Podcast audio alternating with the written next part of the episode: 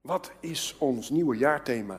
Maar eerst wil ik jullie meenemen waarom eigenlijk een jaarthema. Waarom doen we dat, een jaarthema? Waarom?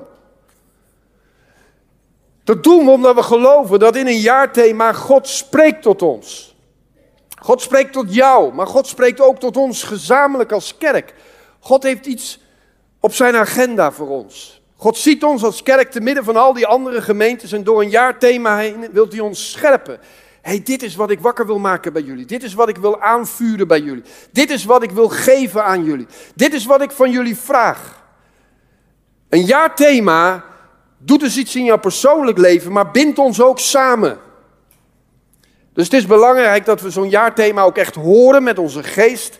En dat we um, dat ook eigenlijk in beweging gaan zetten in ons eigen leven, maar ook naar elkaar. Dat we eigenlijk ons, uh, dat we elkaar herinneren aan dat jaarthema. hey, Weet je nog wat ons thema is? Dit past nu zo goed in jouw leven. Weet je dit?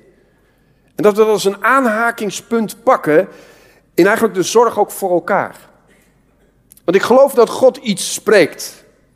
En dat God ons in een seizoen wil meenemen. En als God halverwege een jaar iets anders gaat spreken, gaan we het jaarthema natuurlijk aanpassen. Het is echt niet zo dat we tegen God zeggen: Nou, Heer, we willen een jaarthema van 1 januari tot 31 december. En daarbinnen moet u het doen. Nee, want we merken in de jaarthema's die we gehad hebben, dat die jaarthema's nog steeds werkingskracht hebben. Want ons afgelopen jaarthema overvloedig leven in een gebroken wereld is natuurlijk nog steeds een thema wat relevant is. Waarin we nog steeds uitgedaagd worden om vanuit een overvloedig leven te gaan denken, vanuit een overvloedig leven te gaan handelen. Om dat ook in die gebroken wereld daadwerkelijk te brengen. En zo hebben we ook het jaarthema gehad bloei. Diep geworteld, brede invloed. We geloven dat we allemaal bestemd zijn om te bloeien. Om zichtbaar te maken dat we van Jezus zijn. Dat mensen dat aan ons zien, omdat we de gelukkigste mensen op aarde zijn. Wat onze omstandigheden ook zijn. Dat we kunnen zeggen met Johanna: van natuurlijk. Natuurlijk sta ik hier, want het is vanwege Jezus. Natuurlijk hou ik hoop en hou ik moed. En kan ik God blijven danken voor de dingen in het leven, omdat ik een ontmoeting heb met Hem.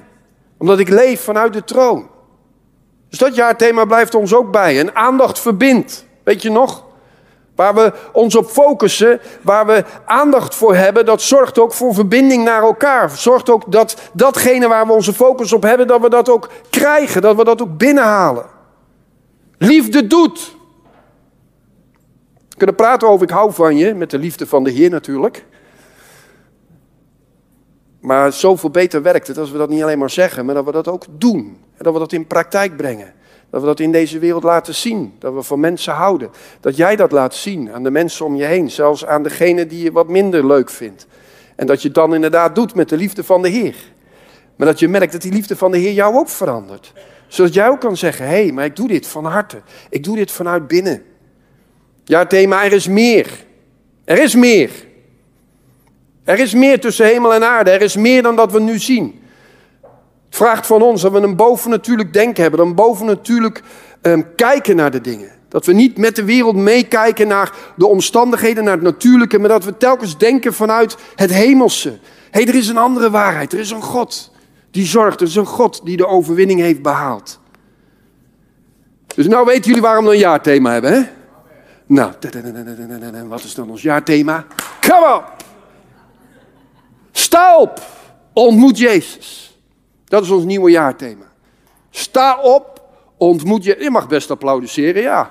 Ja. Sta op, ontmoet Jezus. En Carmen heeft het weer prachtig gemaakt. Sta op, dan zie je die push-button. Dat is iets waar we op drukken. Wat we activeren in ons leven. Dat we opstaan. Dat we dat in situaties gaan doen. Ik ga er zo natuurlijk dieper op in.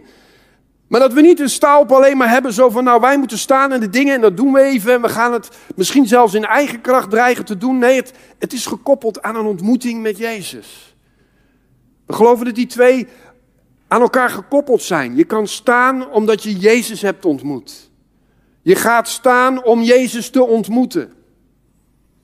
En je ziet heel leuk hè, die twee T's. Wat zien jullie daar? Een kruis. Ja, ik zie wat anders.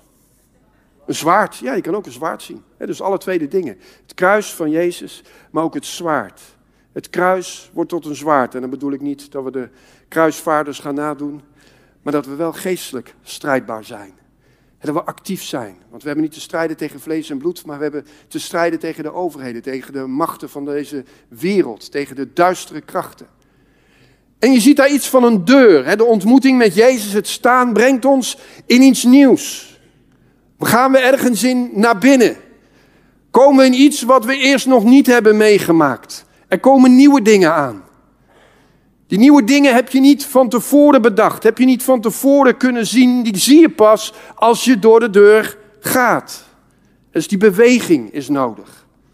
Dat is ons nieuwe jaarthema. Dus die gaan we aan alle kanten, gaan we die prediken, gaan we die spreken, gaan we die laten zien. En gaan jullie ook over praten met elkaar. In dat jaarthema zitten twee activerende woorden. Volgende slide. Staan en ontmoeten. En ik geloof dat de Heilige Geest dat heel bewust zegt tegen ons. Die activering, die push-button. Afgelopen prayer night hadden we het over push, pray until something happens. Die push-button, activeren, gaan staan en ontmoeten. Dat is iets wat het Rema nu van de Heilige Geest zegt tegen ons. Hey, dit wordt een jaar van gaan staan. Dit wordt een jaar van ontmoeten. Dit is een jaar van in beweging komen. Dit is een jaar van niet passief blijven hangen in wat geweest is, in, in wat de wereld allemaal bezighoudt. Niet passief worden, ontmoedigd worden, ongelovig worden. Nee, we gaan staan in geloof. Activerend, bemoedigend. En er is ook één naam die ook heel mooi is. En dat is de allermooiste naam, de allerliefste persoon en zijn naam Jezus. Die hebben we dit keer heel bewust in ons jaarthema gezet. Want het gaat om Jezus alleen. Het gaat om de ontmoeting met Hem. Je kan niet staan, je kan niet ontmoeten zonder Jezus. En eerlijk gezegd gaat de kerk ten diepste dus ook alleen maar om de ontmoeting met Jezus. En ik hoop dat je hier ook bent vanwege Jezus. En als dat niet zo is, dan zal je na een ontmoeting met Hem gaan realiseren, Hij is de enige die ik als eerste wil ontmoeten in mijn leven. En daarna komen pas de mensen om me heen. Jezus, naam boven alle naam. De naam die we willen ontmoeten. Ik wil met jullie door dit thema wandelen vandaag. Ik wil met jullie eh, benadrukken van dat we ja, eigenlijk in balans spreken. Dat we voortdurend zullen koppelen van er is iets van activering bij jou, maar er is ook iets wat je nodig hebt in God. Als je het zonder God doet, dan gaat je staan vleeselijk worden. Maar tegelijkertijd willen we en durven we ook dit jaar te zeggen, maar er is wel degelijk iets activerends van jou nodig. Dat je gaat staan in de beloftes die God al zo lang heeft gesproken in zijn woord en door de profetische woorden heen. Dat we gaan zeggen, ja, die beloftes zijn een ja van God en ik zeg daar amen op. En ik zal daarop amen blijven zeggen. Ik sta op de waarheid van Gods woord, daar waar steeds meer leugens in de wereld ons overspoelen. Ik wil me meer hechten aan de waarheid van het woord van God dan dat wat de wereld vindt. Dat betekent dat het staan ook betekent dat we de Bijbel willen lezen. Dat we intiem willen zijn met het woord van God. Dat we hongerig willen zijn naar het woord van God. Dat we ons voornemen en ook in daadkracht omzetten dat onze tijden gevuld zijn met het lezen van Gods woord. Sta op in het volbrachte werk van Jezus. Dat betekent dat je gaat, anders gaat kijken naar je ziel. Anders gaat kijken naar de pijnlijkheden en de moeites. Anders gaat kijken naar je ziektes. Dat je eigenlijk gaat kijken van, ja maar Jezus heeft iets volbracht op dat kruishout van Golgotha. Wat zo wezenlijk is. Wat een ommekeer mag brengen in mijn situatie. En ik ga daarin staan. Ik ga me daaraan vasthouden. Ik geloof dat de Heilige Geest ook wil dat we gaan staan in gebed. Want gebed maakt dat we die beloftes van God, die waarheden van God, ook gaan proclameren over hier op aarde. Dat gebed bij ons gaat groeien. Dat we daarin stappen meer zetten. Afgelopen Prayer and Power Night zat tot onze vreugde weer wat meer mensen. En dat is mijn gebed, hè, dat we met elkaar zo'n gebedsmoment als kerk echt omarmen en dat we zorgen dat we daar zijn. Omdat we ons realiseren, door het gebed worden deuren geopend. Maar ook door onze aanbidding. Dat we gaan staan in aanbidding. Dat aanbidding werkelijk vanuit ons hart komt. Heer, ik wil u loven en prijzen. En ik wil u nadenken met wat ik zing. En ik wil het me toe-eigenen wat ik zing. En ik wil u voor ogen stellen. En ik wil niet bezig zijn met mijn gevoel, maar ik wil bezig zijn met de aanbidding van u. En ik wil me verliezen in de aanbidding voor u. En ik wil mijn waardigheid verliezen in de aanbidding voor u. Ik wil niet bezig zijn met hoe ik eh, tevoorschijn kom in aanbidding. Nee, ik, wil me helemaal maximaal geven aan u. Ik geloof dat we daarin als kerk ook mogen gaan staan. Staan ook als een leger. Vandaar dat ik blij ben in dat beeld, hè, dat dat zwaard er ook in staat. Hè, dat we strijdbaar zijn, dat we onrecht onrecht noemen. En dat we dat onrecht ook willen veranderen. Dat we geloven dat de kracht van God daar iets in mag betekenen, iets in mag doen. Dat we niet alleen maar zuchten en steunen van, ach, wat is het toch erg in die wereld, hè, wat we nu allemaal weer meekrijgen met de voice, maar dat we een ander geluid willen maken, een andere stem willen laten horen. Dat we in de bedrijven waar we functioneren, in de, in de organisaties waar we zijn, dat we daarin een ander geluid neerzetten. Dat we daarin rein wandelen, dat we daarin zuiver spreken. Dat we dingen aan de kaak stellen als dingen gewoon niet in orde zijn. Dat we durven te spreken ter bescherming van een ander. Dat we niet zoiets hebben van, nou jij moet maar je mond openen, maar dat wat wij stelling durven te nemen, al heeft dat misschien gevolgen even voor jou, maar dat je gelooft dat je daar niet werkt vanwege je baas, maar dat je werkt vanwege je hemelse baas. En dat niemand jou kan ontslaan tenzij God daardoorheen wil werken. En dat je vrijmoedig wordt om de atmosfeer van God ergens neer te zetten. Dat je het niet overlaat aan de mensen die God niet kennen, maar dat je dat je toe-eigent omdat jij een kind van God bent, een ambassadeur bent van Jezus. Staan in ons dochterschap, in ons zoonschap. Staan in het huisgezin van God. Dat we met elkaar elkaar herkennen van hé, hey, jij bent die zoon, jij bent die dochter van God. Je bent dus een broer, je bent een zus van mij. Hé, hey, je bent familie van mij, ook al ben je niet geboren uit dezelfde moeder. Je bent familie van mij. Dat betekent dat ik me druk maak om jou. Dat betekent dat, dat we iets over hebben voor elkaar. Dat we aandacht hebben voor elkaar. Dat dat jaarthema aandacht verbindt. Dat dat blijft stromen door ons heen en alleen maar krachtiger wordt en mooier wordt. Sta op. Honger en dorst spreekt daarin. We willen de wereld veranderen. We willen ijveraars zijn voor God. We willen volwassen zijn. We willen van baby, kind, tiener, jongeren. We willen volwassen worden in de Heer. We willen de goede strijd des geloofs leren. Iemand van het profetische team had een, had een beeld waarin hij drie typen mensen zag in dit huis. Waarin God dat liet zien. En het waren allemaal mensen die eigenlijk allemaal een ballon om hun armen hadden. En ik geloof dat die ballon symbool staat voor onze intimiteit met God. Onze blijdschap dat we een kind, een dochter zijn van God. En dat zat vastgebonden aan de arm. Maar er was een groep die met die ballon eigenlijk zonder doel zomaar heen en weer liep. Zonder plan. En eigenlijk maar verward aan het rondlopen was. En de vijand kon heel makkelijk die ballonnen kapot maken en afnemen. Want de persoon in kwestie was zich nauwelijks bewust van de vijandschap. Was zich nauwelijks bewust van, van de identiteit die daar is in Christus. Was nauwelijks strijdbaar. En liet heel veel gebeuren in zijn of haar leven. Maar er was een tweede type, die had ook die ballon om en die, die zag er strijdbaar uit.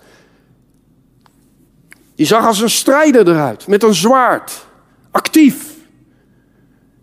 En die probeerde die ballon in de strijd wel veilig te houden, maar dat lukte niet echt. Want die was zo gericht op de strijd, zo gericht op de vijand.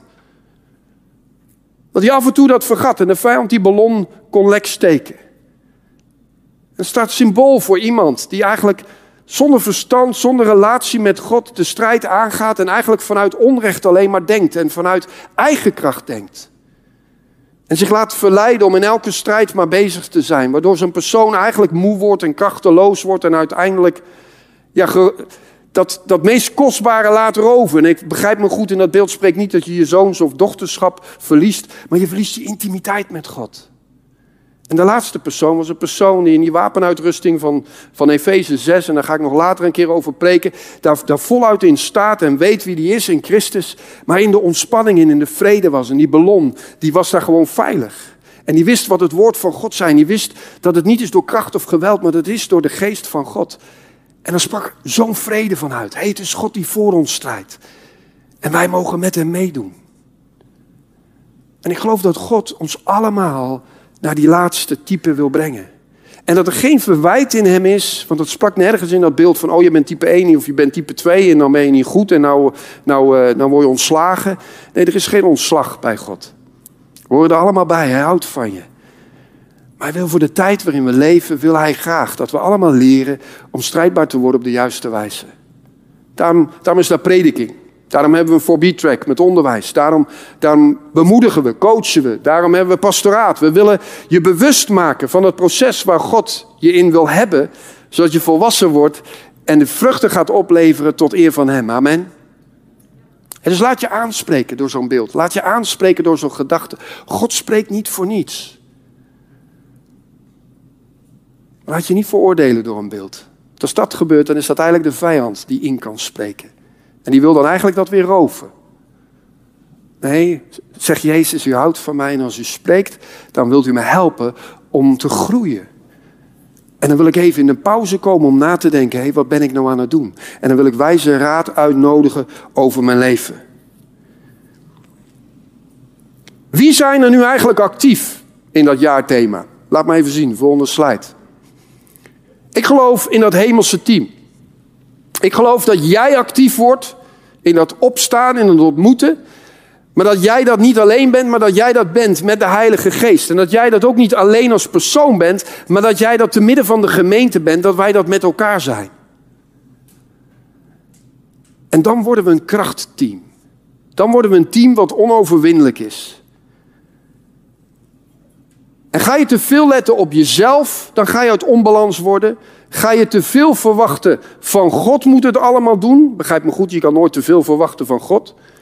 Maar je kan wel iets bij God leggen waarvan God zegt, nou dat wil ik nou juist graag door jou heen doen. En dus ga je het allemaal bij God leggen, Heer u moet het doen. Dan raak je ook in onbalans.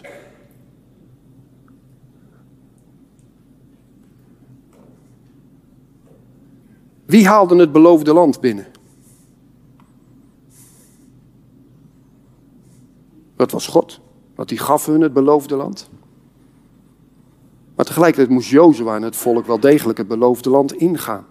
En moesten zij datgene doen wat God van hen vroeg. Moesten zij soms strijden en soms hoefden ze niet eens te strijden. Maar God deed iets en de mens deed iets. En in elke situatie zal het misschien net even wat anders liggen. En je kan daar niet een handboek op slaan van nou in deze situatie moet ik het zus aanpakken. En je hebt ook niet altijd wat aan een voorbeeld van een ander. Want God wil iets unieks doen in jouw leven. Dus hoe weet je hoe het werkt in jouw leven en in jouw situatie? Dat weet je, dat ballonnetje, intimiteit met Jezus. Dus je ontkomt er niet aan. Wil je volwassen worden en wil je strijdbaar worden, dat je intiem wordt met God. Dat je gebedsleven op orde is. Volgende slide. Jij staat op. Omdat Jezus is opgestaan. Ik wil met jullie nu kijken naar dat opstaan en naar dat ontmoeten. Jij staat op omdat Jezus is opgestaan. Romeinen 6, vers 5 zegt: Want indien wij samengegroeid zijn met hetgeen gelijk is aan zijn dood, zullen wij het ook zijn met hetgeen gelijk is aan zijn opstanding. Dit is cruciaal. Jij kan alleen maar opstaan omdat Jezus is opgestaan. Er is geen andere krachtbron die maakt dat jij kan staan in situaties in je leven, dat jij stelling kan nemen, dat je kan zeggen genoeg is genoeg, anders dan dankzij de opstanding van Jezus Christus. En we moeten goed begrijpen dat Jezus niet voor niets opstond. Jezus stierf van dat kruis. En hij nam al onze zonden op zich. Al onze ziekte nam hij op zich. En hij nam het in de dood. Hij nam het op zich en hij bracht het in de dood. En hij had rechtstreeks naar de hemel kunnen gaan door het dodenrijk heen. En daar gaan zitten op de troon. Maar dat deed hij niet. Hij stond op. Hij stond op door die opstandingskracht het nieuwe leven zichtbaar te maken hier op aarde. Anders waren we alleen maar verzoend geweest met God, maar was er nog geen veranderend leven mogelijk geweest. God veranderde ons totaal door op te staan in zijn zoon, waardoor wij nu kunnen putten uit die opstandingskracht. Weet je, de dood kon Jezus niet vasthouden, maar de steen bij het graf ook niet, hè? Mensen rolden de steen voor het graf toen Jezus dood was. En een engel haalde de steen weer weg. Maar weet je wat het bijzondere was? Dat Jezus was al lang opgestaan. Toen de steen voor het graf lag, was Jezus al opgestaan. Jezus had helemaal niet nodig dat die steen werd weggerold. Het graf was al leeg. Jezus zat daar niet te wachten in het graf. Ik wacht totdat de engel voorbij komt en die de steen weghaalt en dan kan ik eruit komen. Nee, Jezus was er al uit. De steen werd weggerold tot getuigenis voor de mensen. De steen werd weggerold zodat de mensen konden zien, hé, hey, het graf is leeg. Jezus liet zien dat dat wat mensen hadden gedaan aan hem, hem niet tegen kon houden. Mensen hadden hem aan het kruis genageld. Mensen hadden hem in een graf gelegd. Mensen hadden een steen voor het graf gelegd. Maar dat alles kon hem niet beperken. Hij koos voor dat kruis. Hij koos voor de opstanding. Jezus heeft in de opstanding laten zien dat geen enkel mens hem kan beperken. Daarom is het zo belangrijk dat wij die opstandingskracht ook echt gaan geloven en gaan toepassen in ons leven en in de situaties en in de wereld waarin we leven. En dat we niet langer gaan denken van ja, maar dit kan niet. Of dit is uh, te moeilijk. Of dit zijn uh, mensen die dit hebben bedacht. Of dit is een overheid die het heeft bedacht. Of et cetera, of et cetera. Maar dat we boven bidden en denken gaan verwachten. Dat we vanuit de opstandingskracht gaan redeneren. Dat we ons realiseren, hé, als Jezus door een grafsteen heen tevoorschijn kan komen, dan kan Hij hier ook in onze tijd de dingen die mensen hebben bedacht doorbreken. Dat geeft je een ander perspectief. Het graf kon Jezus niet vasthouden. En nou wil Hij dat wij ook niet meer onze omstandigheden ons laten vasthouden, maar dat we zeggen, ik ga staan. Ik ga staan in dat wat u heeft gedaan. En weet je, er was iemand in het Oude Testament die die roep ook heel duidelijk kreeg. En dat mag je even met me opzoeken. En dat is in Jozua 7. Jozua 7. Zien we het verhaal van Agan die een misdaad kreeg. Of een misdaad deed. En er een straf vervolgens kwam. Ze verloren bij Ai. En dat was een groot probleem. En het raakte direct het hart van het volk, omdat ze voor het eerst verloren. Vanaf vers 4. Zo trokken van het volk ongeveer 3000 man daarheen. En ze sloegen echter voor de mannen van Ai op de vlucht. Want de mannen van Ai versloegen van hen ongeveer 36 man. En zij vervolgden hen buiten de poort tot aan de steengroeven. En versloegen hen op de helling. Toen versmolt het hart van het volk en het werd als water. En Jozua scheurde zijn klederen en wierp zich op zijn aangezicht ter aarde voor de ark van de Heer tot aan de avond. Hij en de oudste van Israël, terwijl zij zich het stof op het hoofd strooiden. En Jozua zeide, ach heren, heren, waarom hebt gij dit volk dan toch over de Jordaan laten trekken, wanneer gij ons in de macht van de Amorieten wilde geven, zodat die ons te gronden richten? We zouden ons bijna herkennen. Heren, heren, waarom toch? Waarom hebt u me nu hier gebracht? Waarom nou dit? Waarom nou dat? Oh, Heer. En dan klinkt ineens dat woord in vers 10. Toen zeide de Heere tot Jozua, sta toch op. Waarom ligt gij daar op uw aangezicht? Sta toch op. Sta toch op. Waarom lig je daar nog in die situatie? Ga staan. En hier in het Oude Testament, als je dat verder leest, dan staat daar dat er het verbond was overtreden. Want er was zonde geweest in het volk van Israël. En daardoor was het volk geslagen met de bannen en verloren ze van de vijand. En het hielp niet door ach en wee te roepen. Nee, het hielp alleen maar door de, brand, door de band te breken. Door de vloek op te heffen. En de oorzaak van deze ban moest gevonden worden. En Agan werd uiteindelijk gevonden. Velen van jullie kennen dat verhaal wel. En Agan moest sterven. Want het oud-testamentische verbond van God met het volk Israël was gebroken. Prijs God voor de nieuwe verbond. Prijs God voor het nieuwe verbond. Want het kenmerk van het oude verbond is telkens opnieuw. Als God het sluit met mensen die zondaar zijn, met mensen die falen, dan kan het verbond telkens niet gestand blijven. Want telkens is er wel iemand die het verbond breekt. Telkens is er wel iemand die faalt. En dan gaat de vloek weer werken. En dan begint het gedoe weer van vooraf aan. En het hele Oude Testament staat vol van dat soort verhalen. Dat het telkens weer opnieuw misgaat. En dat het verbond weer breekt. En dat de vloek weer gaat werken. En Jozua kreeg een sta Je moet hier iets aan doen. Maar ik geloof dat in de hemel iemand anders ging staan. Ik geloof dat de vader ging staan. En dat de vader zei: Dit moet veranderen. Dit moet doorbroken worden. Ik geloof dat Jezus ging staan. Dit moet veranderen. Dit moet doorbroken worden. Ik geloof dat de geest ging staan. Dit moet veranderen. Dit moet doorbroken worden. En dat Jezus daar in de hemel, zoals Hebreeën 10 daarover spreekt, zei: Heer, zend mij. Zend mij. Telkens opnieuw zal dit verbond verbroken worden. Maar zend mij, Heer. Dan zal ik in één keer sterven voor iedereen. Dan zal ik in één keer de ban over mezelf heen krijgen. De vloek zal ik dragen. Heer, ik wil sterven.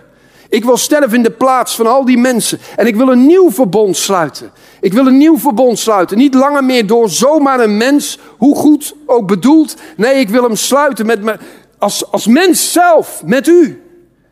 En dat is het kenmerk van het nieuwe verbond, dat het gesloten is tussen de hemelse Vader en, en de hemelse Zoon Jezus Christus. Niet meer te breken.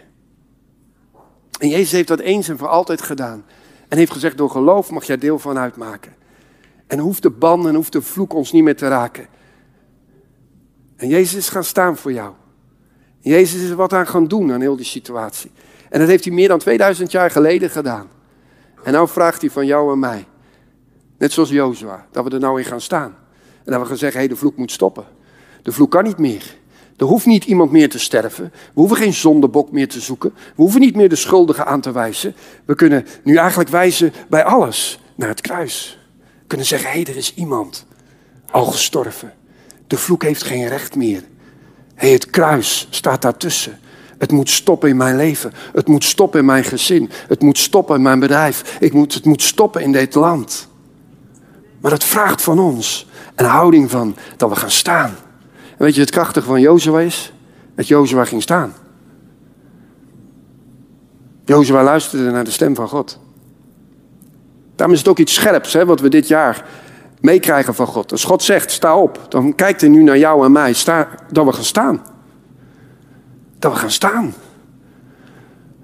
En als het ons niet helemaal lukt, dat we dan een buurman een buurvrouw zoeken een geestelijke natuurlijk, een broer en zus, dat we die zoeken en zeggen: help mij om te gaan staan.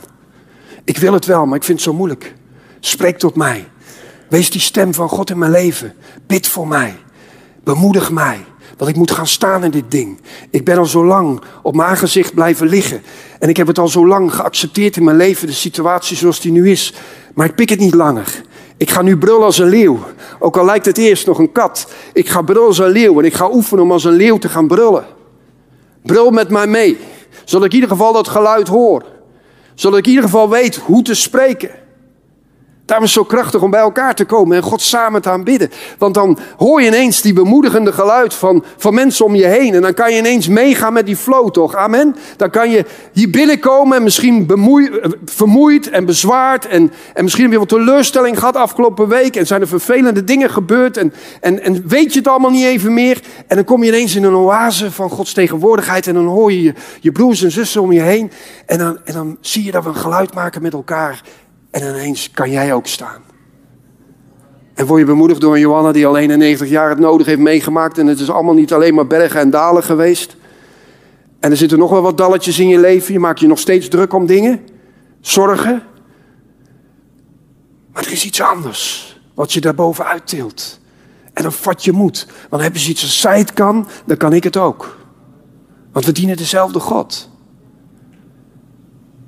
Jozua ging staan. Terwijl Jozua al heerlijk aan het bidden was, toch? Hij was heerlijk God aan het smeken. Hij was heerlijk zielig aan het doen. En hij lag daar heerlijk op de grond. Maar zodra de stem van God kwam, was hij op zijn benen. Waarom? Hij had een hart van gehoorzaamheid. Hij had een hart van, Heer, als u spreekt, dan luister ik. En dat is belangrijk. Ook voor dit nieuwe seizoen, dat we met elkaar zeggen, ik ga ook luisteren naar God. Ik ga ook luisteren naar zijn woord. Ik ga zijn woord voor meer waarheid aannemen als al die andere stemmen. Ik kom liever om met de waarheid in mijn handen als dat ik de leugenheid blijf vasthouden. Dat vraagt een gezindheid. Dus ik hoop dat we de les van Jozua leren, hè, dat we die oppakken met elkaar. Jij ontmoet Jezus, omdat Hij jou ontmoet. Ik kan het altijd omdraaien.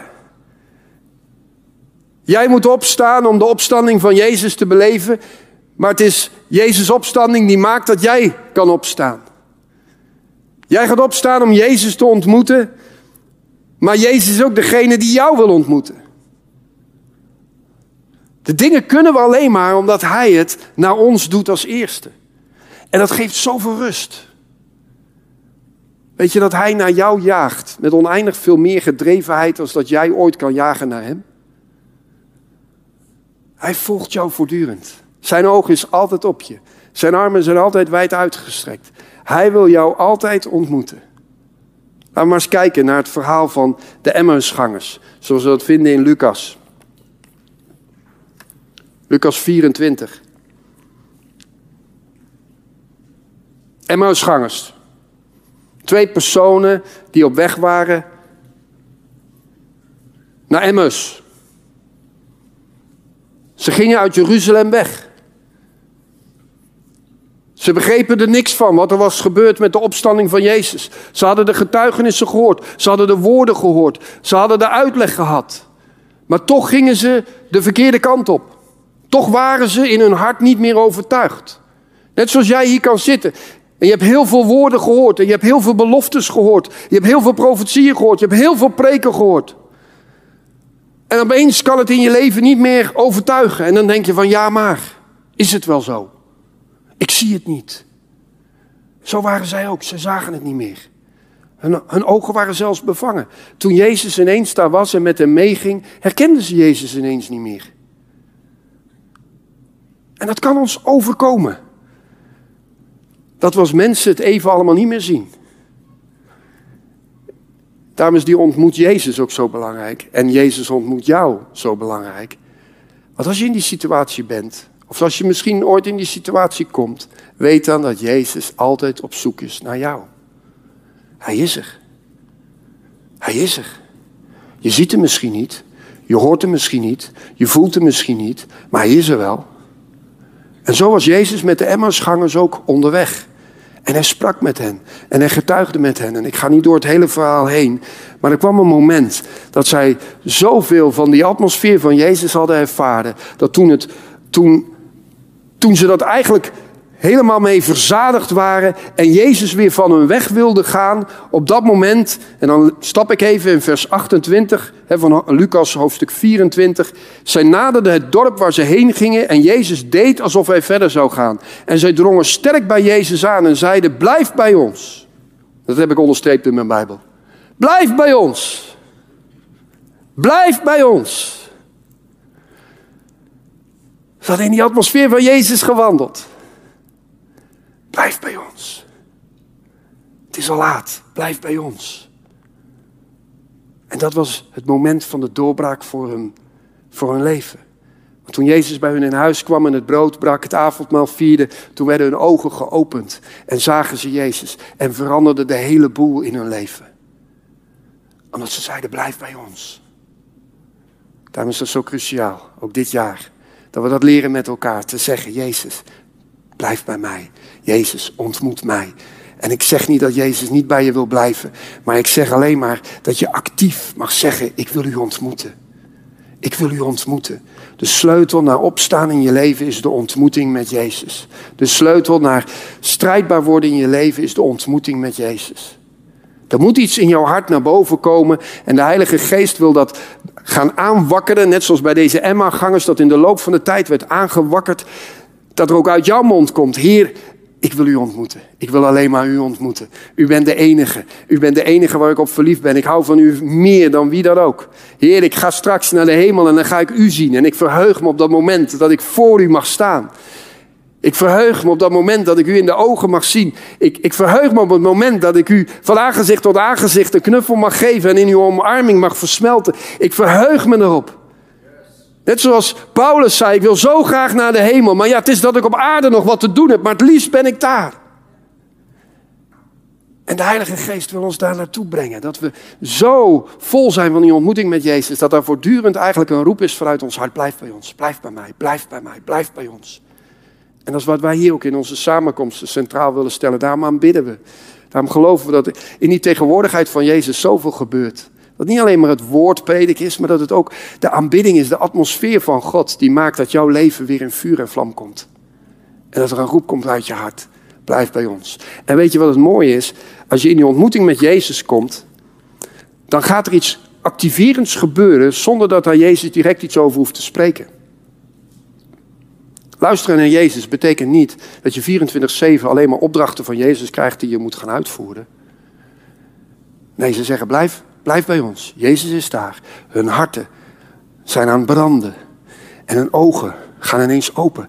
En ze zien Jezus. En ineens is Jezus weg. En ineens nemen ze een besluit. We gaan terug naar Jeruzalem. En ze komen weer in hun bestemming. Jezus was niet zo van, oké, nou zijn jullie ogen open. Jullie harten zijn weer vol vuur. Nu geef ik jullie een opdracht. Ga terug naar Jeruzalem. Nee, had hij al heel lang geleden gezegd. Hij haalt het niet. Nee, hij verwacht gewoon dat in de ontmoeting met hem ga je in actie komen. Ga je bewegen met hem. Vertrouw ook dat de Heilige Geest je gewoon gaat leiden in de gedachten, in de keuzes die je maakt, omdat je leeft met Hem. Ga niet bij alles willen zoeken van Heer, wat wil u nou en wat moet ik nu wel doen en wat moet ik nu niet doen. Ga nou ook eens ontspannen leven met de Heilige Geest. En dat kan als je Hem tot eerst hebt gesteld in je leven en leeft vanuit die dagelijkse ontmoeting met Hem. En dan ga je in het juiste wandelen. Ze gingen terug naar Jeruzalem en werden krachtige getuigen van Jezus en werden gedoopt met de Heilige Geest. Jij ontmoet Jezus omdat Hij jou heeft ontmoet. En hoe gaat dit nou werken voor dit komende jaar? Hoe ga je hier nou succesvol in zijn het komende jaar? Nou, dat ga ik jullie niet allemaal verklappen. Want anders hoeven we geen preken meer te houden. Dus we gaan jullie meenemen op reis, maar tegelijkertijd worden wij ook meegenomen op reis. dus we gaan met elkaar ontdekken hoe de Heilige Geest dit thema verder uitwerkt in ons leven. Maar die twee zullen telkens relevant zijn. Opstaan en ontmoeten. Vanuit de opstandingskracht van Jezus, vanuit het feit dat Jezus jou ontmoet. En natuurlijk kun je daar dingen concreet in maken. Je kan dat doen door dagelijks een keuze te maken door je dag te beginnen met Hem. Door niet een dag te laten roven uit je hand, maar elke dag te zeggen: Heer, ik sta op, letterlijk uit je bed. De meesten liggen op een bed. Ik sta op uit mijn bed en ik ga een ontmoeting hebben met Jezus. Dat is topprioriteit voor mij. Ik neem een ontmoeting met Jezus. Je kan een keuze maken door zijn woord meer lief te hebben dan de nieuwsberichten. Door meer woorden van God te willen lezen als dat wat Facebook, Instagram en alle andere dingen je vertellen. En we horen in deze tijd ontzettend veel informatie. We weten zelfs niet eens of het waar is, want het moet vaak nog uitgezocht worden. En, maar we krijgen alvast te horen wat het is. En dan krijgen we nog eens te horen wat het is. En dan krijgen we nog eens het commentaar daarop wat het is. En alles lezen we en horen we en worden overspoeld met gedachten van mensen. Voor dit seizoen is het zo wezenlijk dat we de gedachten van God gaan horen. Waar je vandaag boven met eh, een uurtje met de leiderschapsreis vervolg. Groepje mensen die we één keer in de maand met elkaar meenemen. Gewoon in leidersprincipes. En uh, we hadden met elkaar een stuk tekst gelezen. En gewoon ruimte gegeven aan de Heilige Geest om tot iedereen te spreken en eruit te halen wat, wat God daarin tot jouw hart zei. En weet je wat zo mooi is? Dat je een uur bezig kan zijn met de rijkdom van Gods woord. En dat er zoveel eye-openers naar boven komen. Dat Gods geest zo krachtig werkt door een Bijbeltekst heen. En dat wil hij doen met jou. Dat wil hij doen met jou. Maar zoek die ontmoeting dan ook met hem. Vier avondmaal. Weet je nog mijn preek over avondmaal? Zijn de frequentie aan het verhogen van één keer per maand hier in de samenkomst. Maar het idee is, is dat jij het regelmatig gaat doen. Dat jij het thuis gaat doen. Dat jij het op vergaderingen en meetings gaat doen. Wakker dat aan in je leven. Want in avondmaalviering leun je, put je telkens uit het volbrachte werk van Jezus. Zeg je heel eenvoudig, Heer, open mijn ogen voor die waarheden van u. Laat het vuur weer branden in mijn hart. Doe dat wonder wat nodig is in mijn bestaan. Je ziet op mijn Nehemia voor de gemeenteleden zie een prachtig getuigenis van Francine Harmuzio. Lees dat maar eens. Het gaat over avondmaal vieren, wat ze heeft toegepast in haar leven. Leer de dingen die Jezus ons gegeven heeft om te doen, ook op waarde schatten. Aanbid Jezus. Aanbid Hem, ook door de week heen. Zet de gave van tongentaal in. Dat is een gave die jou opbouwt. Daar heb ik ook over gesproken. Doe mee in dit huis. Geef je schouder. Voeg je in. Laat van je horen. En je zal merken, dat maakt allemaal dat je in een atmosfeer komt van opstaan en van ontmoeten. Nou, hebben jullie genoeg stof tot nadenken gekregen voor de komende week? Dan hebben we tot slot nog een prachtig kaartje voor jullie. Sta op, ontmoet Jezus. En daarachterop komt zeer regelmatig het preekthema wat we behandelen, maar ook de, de quotes of de highlights die, eh, die we als prediker vinden, die staan er dan ook op. En zodat je heel de week dit nog voor ogen hebt. Dus leg het op een plek, stop het op een plek die je ook regelmatig opent. Dus ik hoop dat dat je Bijbel is. Dan is dat een hele goede om hem als bladwijzer te gebruiken. Maar je krijgt dus regelmatig een nieuwe. Maar het preekthema blijft hetzelfde. En dus je kan het telkens draaien en dan ben je weer up-to-date voor de afgelopen week. Maar je krijgt dan weer een nieuwe. Maar dit is wat we het hele jaar door oppakken. Tenzij de Heilige Geest eerder gaat spreken over het thema. Maar dit is onze intentie. Dat we als kerk gaan staan voor de tijd waarin we leven. Dat we verwachting hebben dat God velen tot ons gaat trekken. Ik sprak afgelopen vrijdag een voorganger die diezelfde verwachting ook had. En ik, welke voorganger ik ook spreek eigenlijk. Ze hebben verwachting dat de huizen gevuld gaan worden met mensen. Maar het vraagt iets van jou. Dat je daarin wil gaan staan. Dat je daarin wil Jezus ontmoeten. Zodat je ook vanuit intimiteit Hem gaat dienen. En we de buiten ook werkelijk binnen gaan halen. En dat we het koninkrijk van God ook echt gaan bouwen in deze tijd. Want het teken dat Jezus heeft overwonnen, is dat we laten zien in deze wereld dat zijn koninkrijk er is en dat zijn koninkrijk anders is. Amen.